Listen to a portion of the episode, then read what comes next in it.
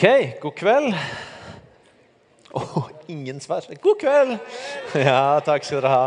Kjekt å se dere. Godt nytt år til de av dere som jeg ikke har truffet før. Vi var jo en gjeng som var og feira gudstjeneste forrige søndag kveld òg.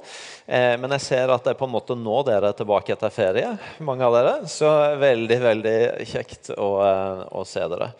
Eh, gleder meg til å komme i gang med et nytt år. Skal hilse dere fra Leif, eh, god venn av menigheten. For de av dere som har vært eh, med på konferansene våre før. Han reiste hjem fra Cuba i går og er på vei til oss og Åpen himmel neste helg. Eh, i løpet av noen dager. gleder vi oss skikkelig til. Runda 400 påmeldte og bare minner om det de sa der òg, nemlig at eh, hvis du går inn i kveld, så får du den konferansen billigere. Så det er tid for å hoppe ned fra gjerdet og inn på check-in og melde deg på. Veldig bra. Så fantastisk. Jeg følte ikke liksom vi fikk eh, Det er jo som, som, Elise sa, en treat å få tilbe med den gjengen som gjør seg klar til Impuls senere i, eh, i helga. En nydelig ny sang nå i kveld. I formiddag så fikk vi høre en annen ny sang som også var kjempefin. Og jeg vet at det er en EP på gang i forbindelse med konferansen, så det er bare å glede seg til. Så syns jeg vi kan heie litt på dem og gi dem en applaus for bra jobb. Ja.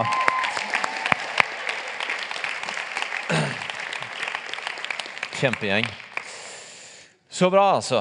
Du eh, starter på talen i kveld med å spørre om noen av dere vet hva legendariske Oxford Dictionaries kåra til årets ord i 2016? Hanne vet. Hva var det?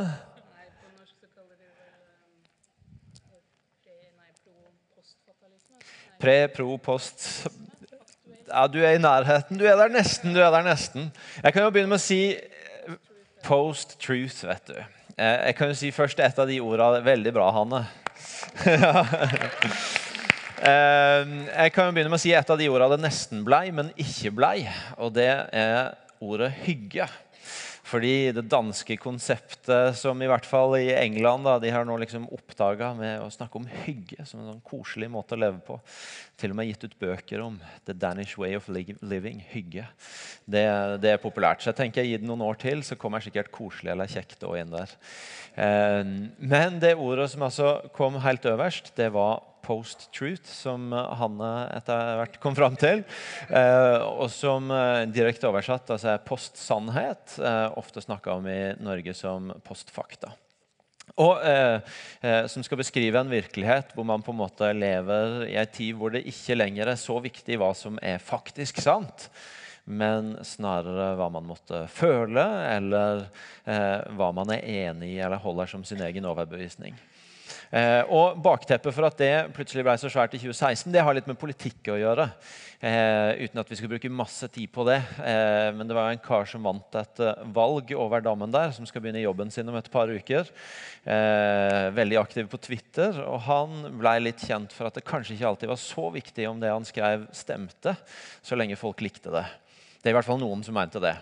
Eh, og det var en annen sånn viktig avstemming her tidligere i eh, Storbritannia, kalt for brexit, som også på en måte dro den der delen opp. Eh, det ikke alltid var at alt som ble sagt, var helt sant, men det funka.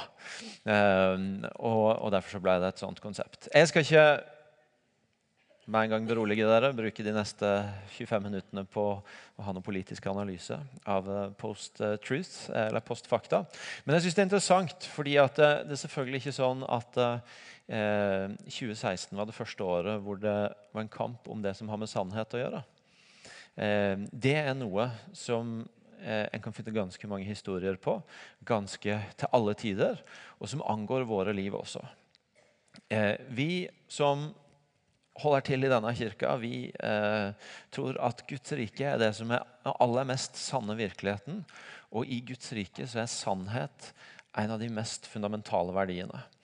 Og Det betyr at når det kjempes om sannhet, når sannhet står i spill, så er det et viktig spørsmål for oss. Og Det handler ikke bare om politikk eller om de store spørsmålene, men det handler ned til våre egne liv liten sånn historie fra eget liv som, eh, som, som eh, ikke er for å liksom trivialisere det, men bare for å illustrere eh, eller sette oss litt på sporet. Jeg hadde en episode her i høst hvor en eh, veldig god venn av meg plutselig begynte å sende meg Facebook-meldinger med sånne sitater fra ei av bøkene til han eh, jeg husker bare det ene navnet hans, Bertrand. Han er en sånn mental coach eh, som bl.a. har skrevet en bok som heter 'Nå', om å gripe øyeblikket.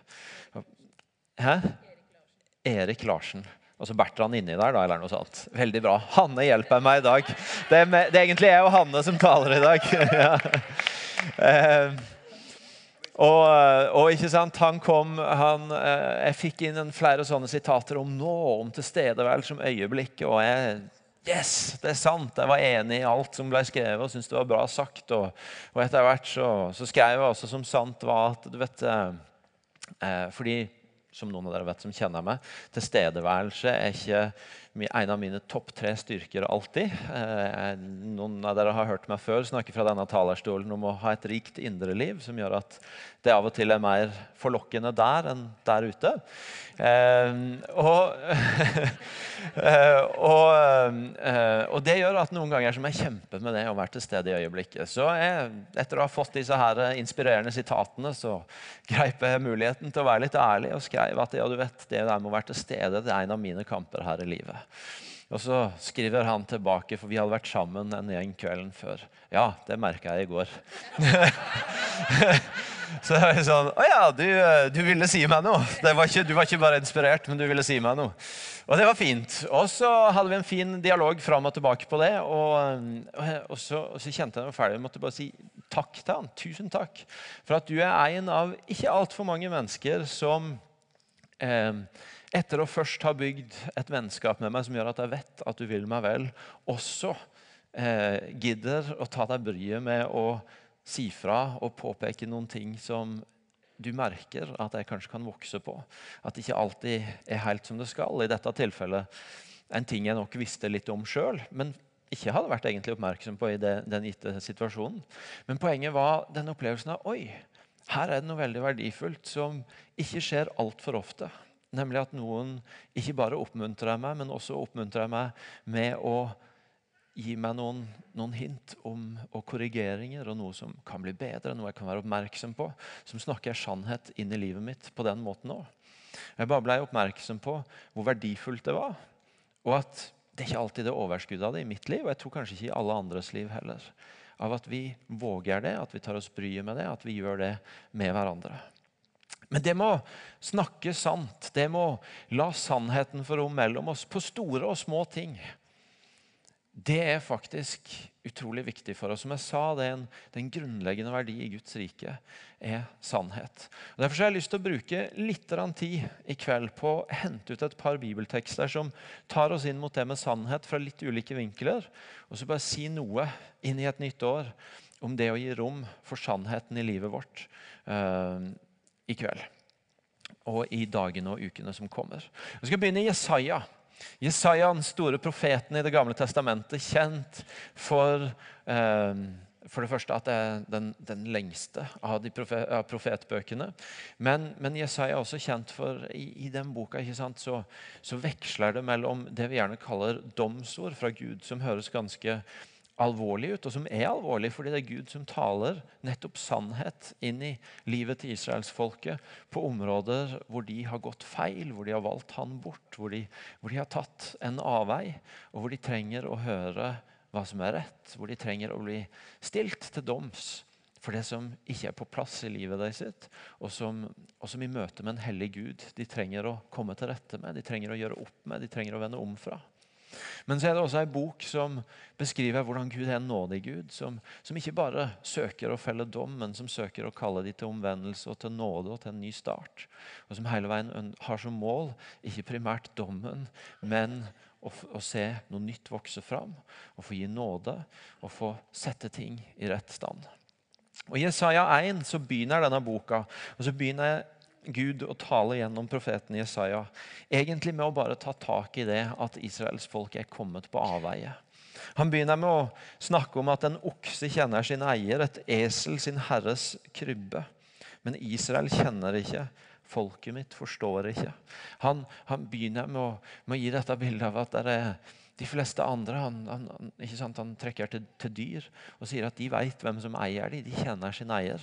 Men dette folket de klarer ikke å huske hvem som har skapt dem, hvem som har gitt dem livet, hvem de egentlig tilhører. Og Så fortsetter han i de neste versene med å si noe om hvordan de er kommet på avveie. Om hvordan de fordi de er kommet på avveie, også har sår. Og hvordan de på en måte tæres opp innenfra og har åpne sår fordi de har valgt en annen vei, og de har valgt en, en, en avvei, en, eh, en, dårlig vei i, sin vandring i livet og i sin vandring med Gud. Men så skjer det noe interessant. fordi at eh, når Gud har sagt noe om det, så begynner han å adressere det faktum at de fortsatt tilber han. De har fortsatt høytider, de kommer fortsatt til tempelet for å ofre og tilbe. Så, så samtidig som de i sitt indre og i sitt hjerte har valgt bort Gud, har valgt en annen vei med livet sitt, har valgt å gå bort fra Han, så har de i sitt ytre valgt å holde fast på en tilbedelse av Han, en, en lydighet mot Han, som, som, ikke samsvarer med det som egentlig bor i hjertet de sitt, det som skjer på innsida, det som er sannheten om livet de sitt. Og det står at Gud snakker om at han sier, 'Hva skal det med alle disse slakteofrene deres?' Jeg er mett på brennoffer. Han sier ting som at dere tråkker ned foregårdene mine. Kom ikke lenger med unyttige, av, unyttige, gaver. Jeg tåler ikke falskhet og fest. Nå hopper jeg litt her, så det er vanskelig å følge meg hvis du sitter her med Bibelen, men jeg er fra vers 11 og utover. Uh, og han sier ting som at 'jeg hater nymånedagen og festene deres'. Det er en byrde jeg er trett av å bære. Og Så ber han de om å vende om, om å vaske dere, gjør dere rene. Få de onde gjerningene bort fra mine øyne. Hold opp med å gjøre ondt. Lær å gjøre godt. Søk det som er rett. Hjelp den undertrykte. Vær forsvarer for farløse. Før enke er sak. Det vi, det vi i første omgang skal bare ta med oss fra, fra denne starten på Jesaja, det er hvordan Gud adresserer én måte sannhet, ærlighet, er på spill i våre liv noen ganger. Nemlig at vi, at vi har en kamp innenfra. At det er noe no, der, han, han, beskriver noe i dette folket hvor de, hvor de innenfra vet om ting som er urett. De har valgt en annen vei, men de søker å holde, holde fortet utad. De søker å få det til å se ut som at alt er som det skal. De søker å få det til å se ut som at jo, jo, de tilber Gud, og de gjør det de skal. Men innenfra så, så spises de opp på et vis. De, de innhentes av en virkelighet som de ikke helt tør å være sann om utad.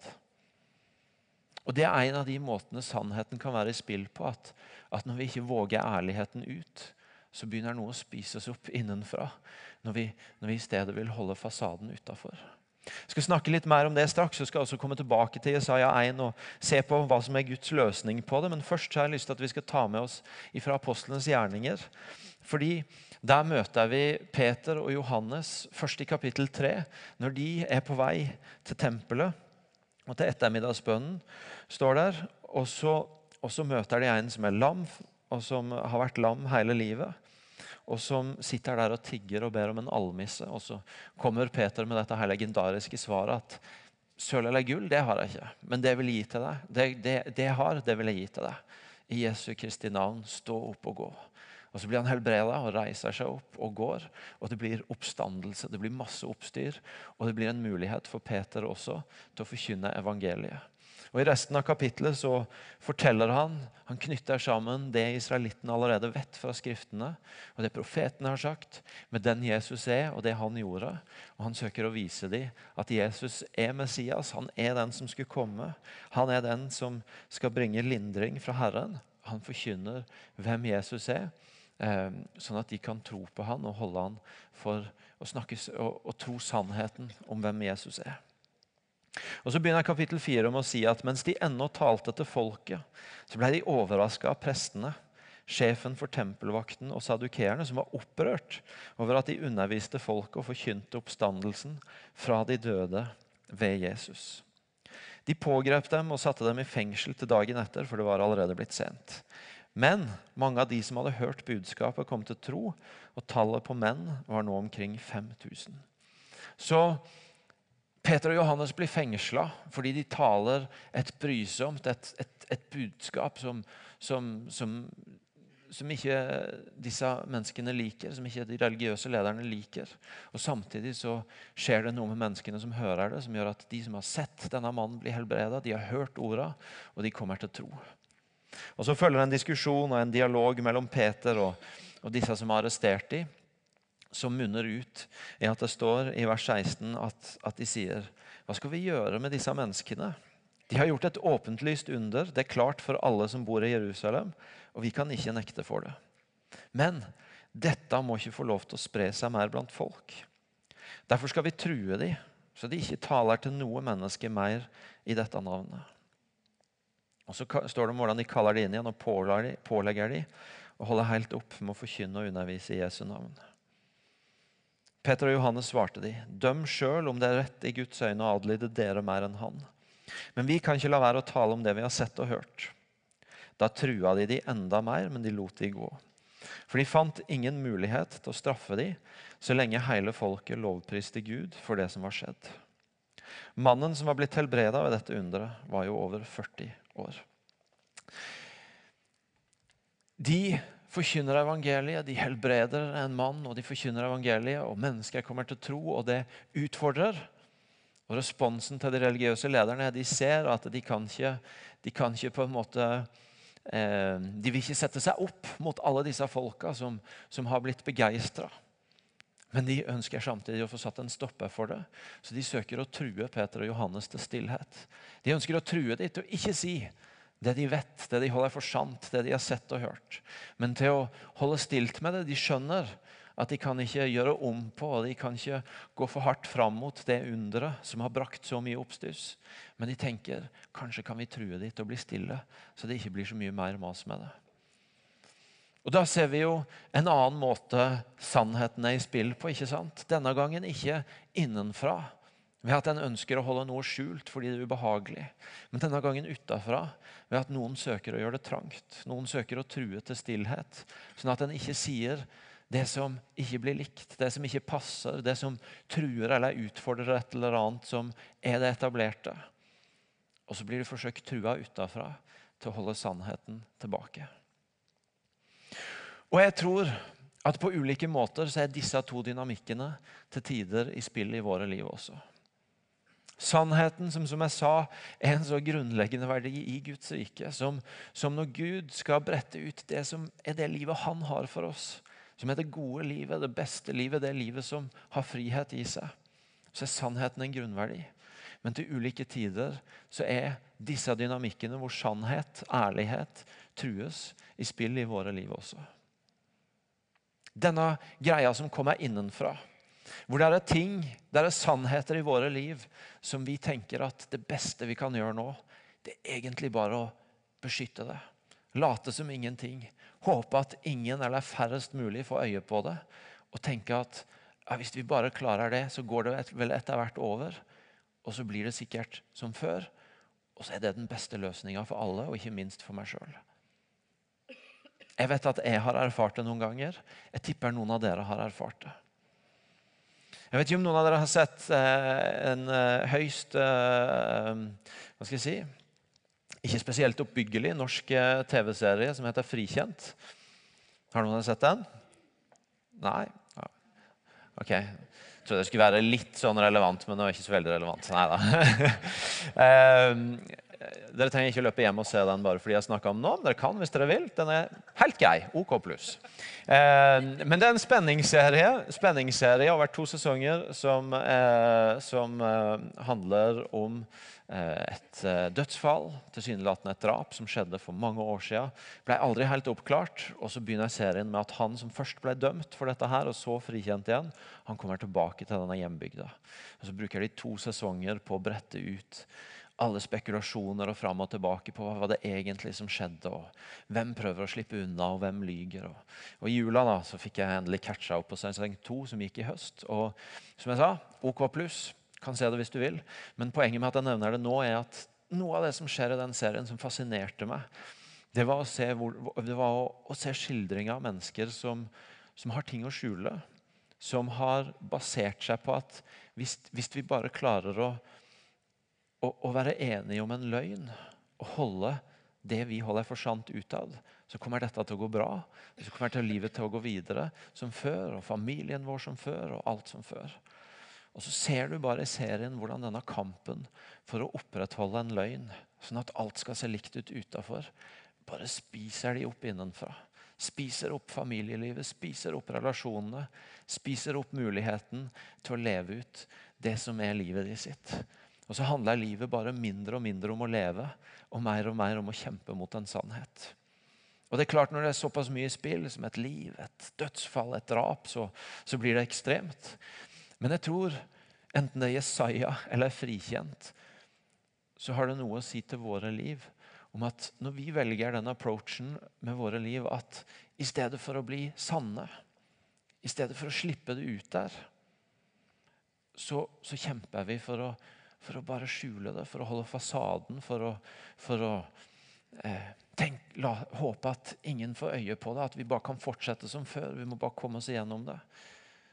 Så tror jeg det er noe av det samme som skjer. At den begynner å spises litt opp innenfra. At livet handler mindre om å leve og mer om å beskytte. At en blir mindre og mindre fri, selv om en egentlig tror at bare en klarer å holde fortet, så går en fri. Og Det kan være små ting og det kan være store ting. Og, og Det er ikke alltid kanskje engang vi vet helt hva det går i, men vi vet at det er noe som ikke stemmer. At det er noe vi kjemper for å skjule. Og så, og så er det egentlig noe som spiser oss opp innenfra. Og På samme måte så tror jeg at vi, ganske mange av oss, gjør oss erfaringer noen ganger av at den samme trusselen kommer utenfra. At, at det er ting rundt oss som i praksis prøver å få oss til å bli tause. Vi lever i et fritt land hvor ytringsfrihet holdes høyt. Og det er veldig sjelden at vi reelt sett, sånn som disse her gjorde, blir trua til taushet. Men jeg tror ganske mange av oss allikevel gjør ulike erfaringer av at vi kan komme inn i rom og i settinger og være i steder hvor vi kjenner at oi, her var det trangt. Her var det ikke så mye plass til å egentlig si det jeg tenker er sant. Her var det ikke så mye plass til å avvike, til å komme med en annen mening, til å snakke ut. Det jeg tror på, det holder jeg for sant. Jeg tror Flere av oss gjør de erfaringene, og det kan gå på flere nivå. ikke sant? Det kan gå på det grunnleggende å føle seg fri til å si 'dette tror jeg på'. Dette er sannheten mitt liv bygger jeg på. Dette er det jeg har funnet liv i. Og det har jeg lyst til å dele med deg. De fleste av oss har gjort noen erfaringer av at vi kommer inn i rommet vi merker at, at hvis, hvis, det skal bli fortalt, så kommer ikke det til å skje fordi at omgivelsene haler det ut av oss. Men det er vi som må ta et valg på å dele det. Fordi det er ganske mye rundt oss som egentlig pusher mot å ikke være for offensive og for aktive med det. Men jeg snakker også med ganske mange av dere som innimellom forteller meg historier om at om at dere vet at det som skjer på, på studiestedet eller på jobben eller andre steder at, det, at, Oi, nå skjer det noe rundt meg som ikke er rett. Som ikke samsvarer med de verdiene jeg står for, de verdiene jeg tror jeg finner i denne boka. Men det er tøft å skulle vike av. Det er tøft å skulle være den som adresserer det. Det er tøft å skulle være den som våger å snakke opp når alle andre egentlig syns det er mest komfortabelt å la det være som det er. Og det er de gangene hvor, hvor det er mennesker som ikke Og situasjoner hvor, hvor en ikke kan kjempe helt for seg sjøl. Og hvor det trengs stemmer som, som velger å kjempe for dem. Og hvor vi utfordres på tør vi det. Er vi villige til å ta prisen for det? Det er vanskelig å snakke om det uten å nevne kampen for det ufødte liv. Og det at mange av oss blir så utrolig tause på det, og så forsiktige på det. Og Det er noen grunner for det. Og Noen av de er gode, og så er det noen av de som handler om at rommet er trangt, og at det utfordrer oss. Arne sitter borti der, og noen av dere møtte ham på takkegudstjenesten. Han valgte å kjempe for noen som i vårt land blir utsatt for en så grov urett. Han valgte å han kjemper for å bli anmeldt. Han vil bli anmeldt, sånn at saken kan bli prøvd. Han velger å bruke stemmen sin og er på en måte et rusk i maskineriet. Myndighetene våre har egentlig lyst til at han skal til stille. Han, han, går til politiet og prøver å bli anmeldt fordi han vil prøve saken om de papirløses rettigheter. Og så er han litt brysom, han er litt i veien. Det de egentlig prøver å presse han til, er kan du ikke bare la være. Hold fred. Mein det du mener, men ikke mas så.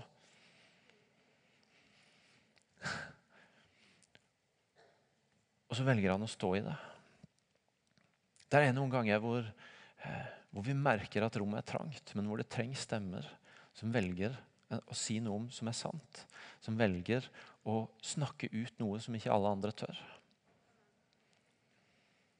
Og så er det selvfølgelig begge disse tekstene så, Gud, så, møter vi ikke bare et problem, men vi møter en løsning. Vi møter et svar fra Gud. I Jesaja synes jeg det er fantastiske ord. Når Gud i vers 18 sier 'Kom, la oss gjøre opp vår sak', sier Herren. En sånn invitasjon. Kom, da! La oss gjøre opp dette her. La oss ordne opp i det. Og message-oversettelsen på engelsk enda bedre står 'Kom, sit down'. Let's argue through this. Kom an, la oss sette oss ned og bare snakke oss igjennom dette her. Få det fram, få det ut, bli ferdig med det. La oss snakke sannhet. Og enda bedre løftet som følger. Om syndene deres er som purpur, skal de bli hvite som snø. Om de er røde som skarlagen, skal de bli hvite som ull. Friheten ligger ikke bare i å si det ut, men i løftet om at når du velger å si det som det er, så lover han nåde. Han lover tilgivelse. Og så blir domsorda ikke bare ord for dom, men de blir en invitasjon til nåde og tilgivelse. Til å få en ny start og komme inn på rett retning. Guds svar når ting begynner å spises opp innenfra. Fordi vi tror at svaret ligger i å holde det skjult, ligger i å late som, ligger i å tenke at det går vel over bare vi kommer oss igjennom og ingen, ingen får tak i oss på det. Så er Guds svar nei, tvert imot. Kom an, sett deg ned, la oss snakke oss igjennom dette. Og så ligger friheten i at det blir åpent, at det kommer sannhet inn i livet, og i at Hans nåde alltid er større enn våre misgjerninger og våre feiltrinn og det som måtte være av ting vi ikke er stolte av i livet vårt. Hans nåde er alltid større. Og Guds ord sier at et øyeblikk varer hans, hans vrede, men hele livet varer hans nåde. Det er alltid større. Og Det betyr at det er alltid en invitasjon til oss til å komme og sitte og til å si det som det er til å bekjenne synd, til å si det vi ikke er så stolte av, til å sette ord på det som er vanskelig i livet, og våge å tro at hos Gud så ligger det frihet i nettopp det. Men så skjer det også noe annet i apostlenes gjerninger 4. For når Peter og Johannes blir løslatt, så går de til sine egne. Og så, og så de, forteller de hva som, skjedd, hva som har skjedd, og så begynner de å be sammen. Og så er en del av bønnen i vers 29. Og nå, Herre, Hold øye med truslene deres, og la dine tjenere tale ditt ord med frimodighet. Rekk ut din hånd, så det skjer helbredelser og tegn og under ved navnet til Jesus, din hellige tjener. Da de hadde bedt, skalv stedet der de var samla. De blei alle fylt av Den hellige ånd og talte Guds ord med frimodighet. De ber Gud om å holde et øye med de som truer de, søker å true de til taushet. Og så ber de om frimodighet. Og så står det om hvordan Den hellige ånd fyller de. Og de talte nettopp med frimodighet. Når det blir trangt rundt oss, når omgivelsene søker å, å, å true oss på ulike vis til taushet Enten det ved å bare bli stille, eller det ved å bli konforme, eller det å si det alle andre sier, eller det å ikke tørre å være rusk i maskineriet, så, eh, så, så, så, forteller denne historien oss noe om hvordan Gud søker å bruke sin ånd til å utruste oss til å våge frimodigheten. Til å utruste oss med sin ånd til å snakke der andre ikke snakker. Utruste oss med sin ånd til å tørre å, å si det som vi egentlig merker at å, det hadde vært lettere å tie stille. Enten det nå er å formidle hva en tror på, eller det å si hva en tror er rett, eller det å snakke opp for noen som ingen andre snakker for. Den hellige ånd som utruster oss til å tale sannhet inn i de situasjonene. Til å stå imot kampen for å få oss til å bli stille. Noen ganger så tenker jeg at vi kristne òg gjør rommet litt for trangt. Noen ganger savner jeg å se i Facebook-feeden min at vi ikke bare er enige om alt, og at når noen hiver seg på en bølge og mener noe om noe, så, så hiver alle andre seg på. men at noen kommer og, og tør å gi et annet perspektiv, som kanskje er med på å gi en viktig del av sannheten. Jeg tenkte i høst Jeg skal innrømme det. Jeg, jeg, ikke, jeg, jeg sier ikke nå noe om hva jeg mener om saken, for det, det har jeg ikke noe ønske om å egentlig bruke denne talerstolen til. Men i høst så, så var det ei uke hvor det var masse støy rundt en viss kristen TV-kanal og eieren av den. Og Jeg har aldri sett på den TV-kanalen, så jeg kan ikke mene noe om det. Men det var rart for meg å åpne Facebook-feeden min og plutselig se så mange kristne venner som alle var helt enige om hvor forkastelig det var. Og hvor mange som ellers ikke bruker å mene noe som helst. Når de først skulle mene noe, så var det det de mente noe om. Og Det kan godt hende at det var masse rett i det. Det jeg har hørt, tyder på at jeg òg sikkert har en del ting jeg er uenig i med han som var i skuddilden der. Men det var én del av meg som lurte litt på Er det ikke én stemme som tenker det hadde vært litt Jesus-likt òg nå å være den som sa ikke sikkert jeg er enig i alt, men akkurat nå så har jeg lyst til å stille seg meg ved siden av han alle andre skyter jeg på.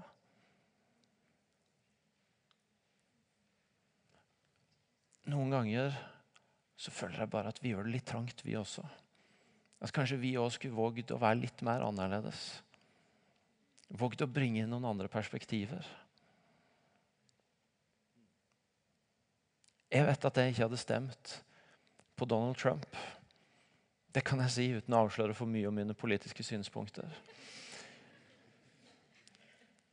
Men jeg syns det var litt rart å merke at nesten alle kristne så i Facebook-feeden min og andre steder, var fullstendig i sjokk over at det gikk an å være kristen og stemme på en sånn mann.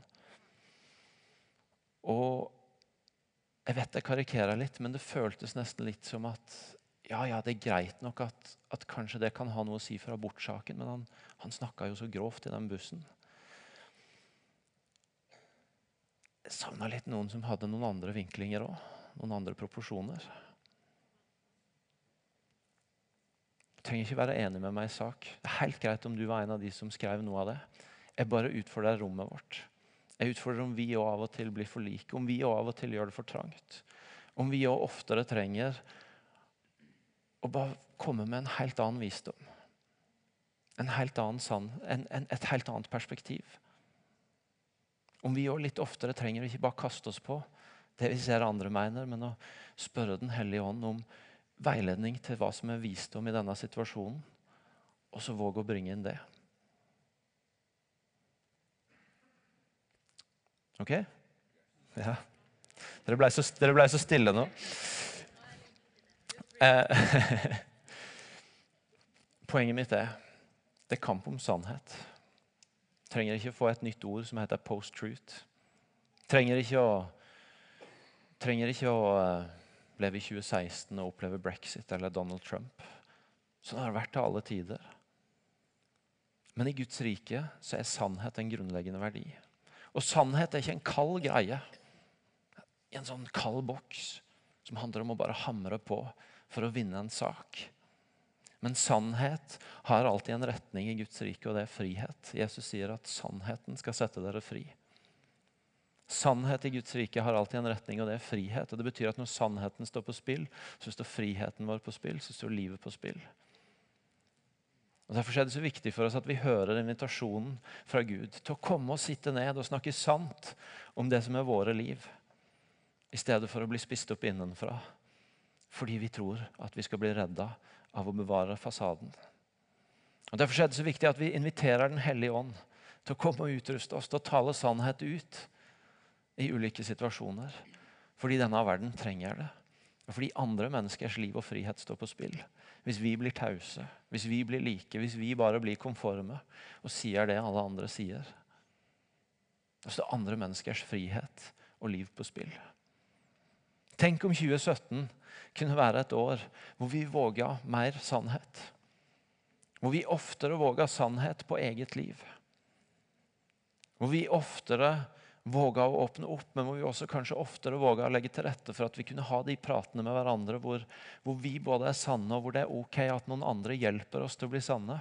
Når vi ikke helt ser det sjøl, men, men, men noen andre får lov til å snakke litt inn i livet vårt.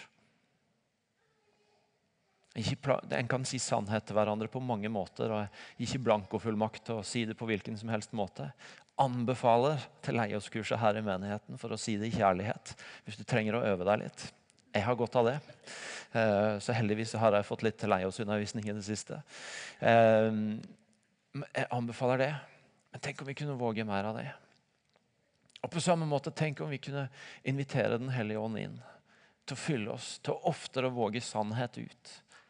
Til å oftere velge bort taushet og konformitet for å dele om hvem han er, om hva han gjør. Om hva som er hans hjerte i ulike saker. Det ser forskjellig ut. I noen rom så handler det bare om å fortelle historien om Jesus. I noen rom så handler det om å fortelle om det han gjør. Om at han helbreder mennesker, om at han gjør under. Det er helt ukorrekt å si det. I noen rom så handler det om å gjøre som Arne gjør, om å snakke opp for noen.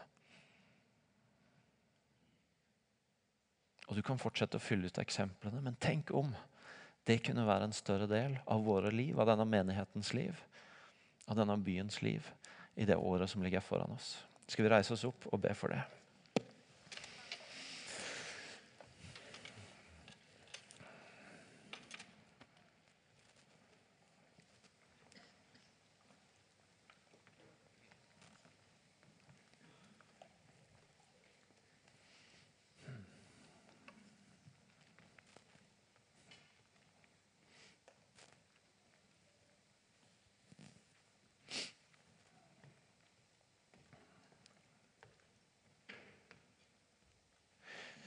Takk, far, for at du inviterer oss til bords, til å sitte ned og til å snakke om det som er sant, sannheten om våre liv.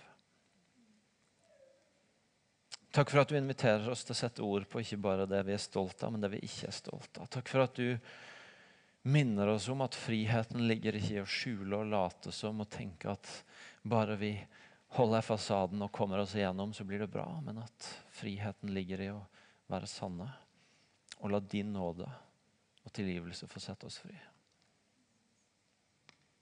Jeg ber deg for de blant oss her som, som akkurat nå veit at de trenger å starte dette året med å, med å sette ord på noen ting som, som, har begynt å spise innenfra. Og Jeg ber deg om at de ordene vi har hørt i kveld, og, og det konkrete ordet fra Jesaja 1,18 med din invitasjon og ditt løfte om at du gjør syndene våre hvite som snø. At det skal gi den tryggheten og frimodigheten som trengs for å gjøre akkurat det. Og så takker jeg deg samtidig for at du har sendt din ånd til oss for å utruste oss og frimodiggjøre oss til å bringe ditt, din sannhet, ditt perspektiv, din visdom inn i denne verden. Og Jeg ber deg om at dette også skal få være et år hvor din ånd bare får spille enda tydeligere med oss inn i ulike situasjoner. Sånn at vi våger å snakke om den du er, om det du gjør, og om hvordan du ser på mennesker og situasjoner. Jeg takker deg for at du ikke bare vil gi oss mot til å snakke sant, men du vil bruke din ånd til å gi oss sannheter i form av profetiske ord, som kan være nøkler inn i andre menneskers liv. Og Jeg ber deg om at vi skal få være formidlere av sannhet i våre relasjoner, i våre familier, på våre arbeidsplasser i denne byen. Jeg ber deg om at nivået av sannhet i byen vår skal øke dette året, og at det skal bringe liv og frihet.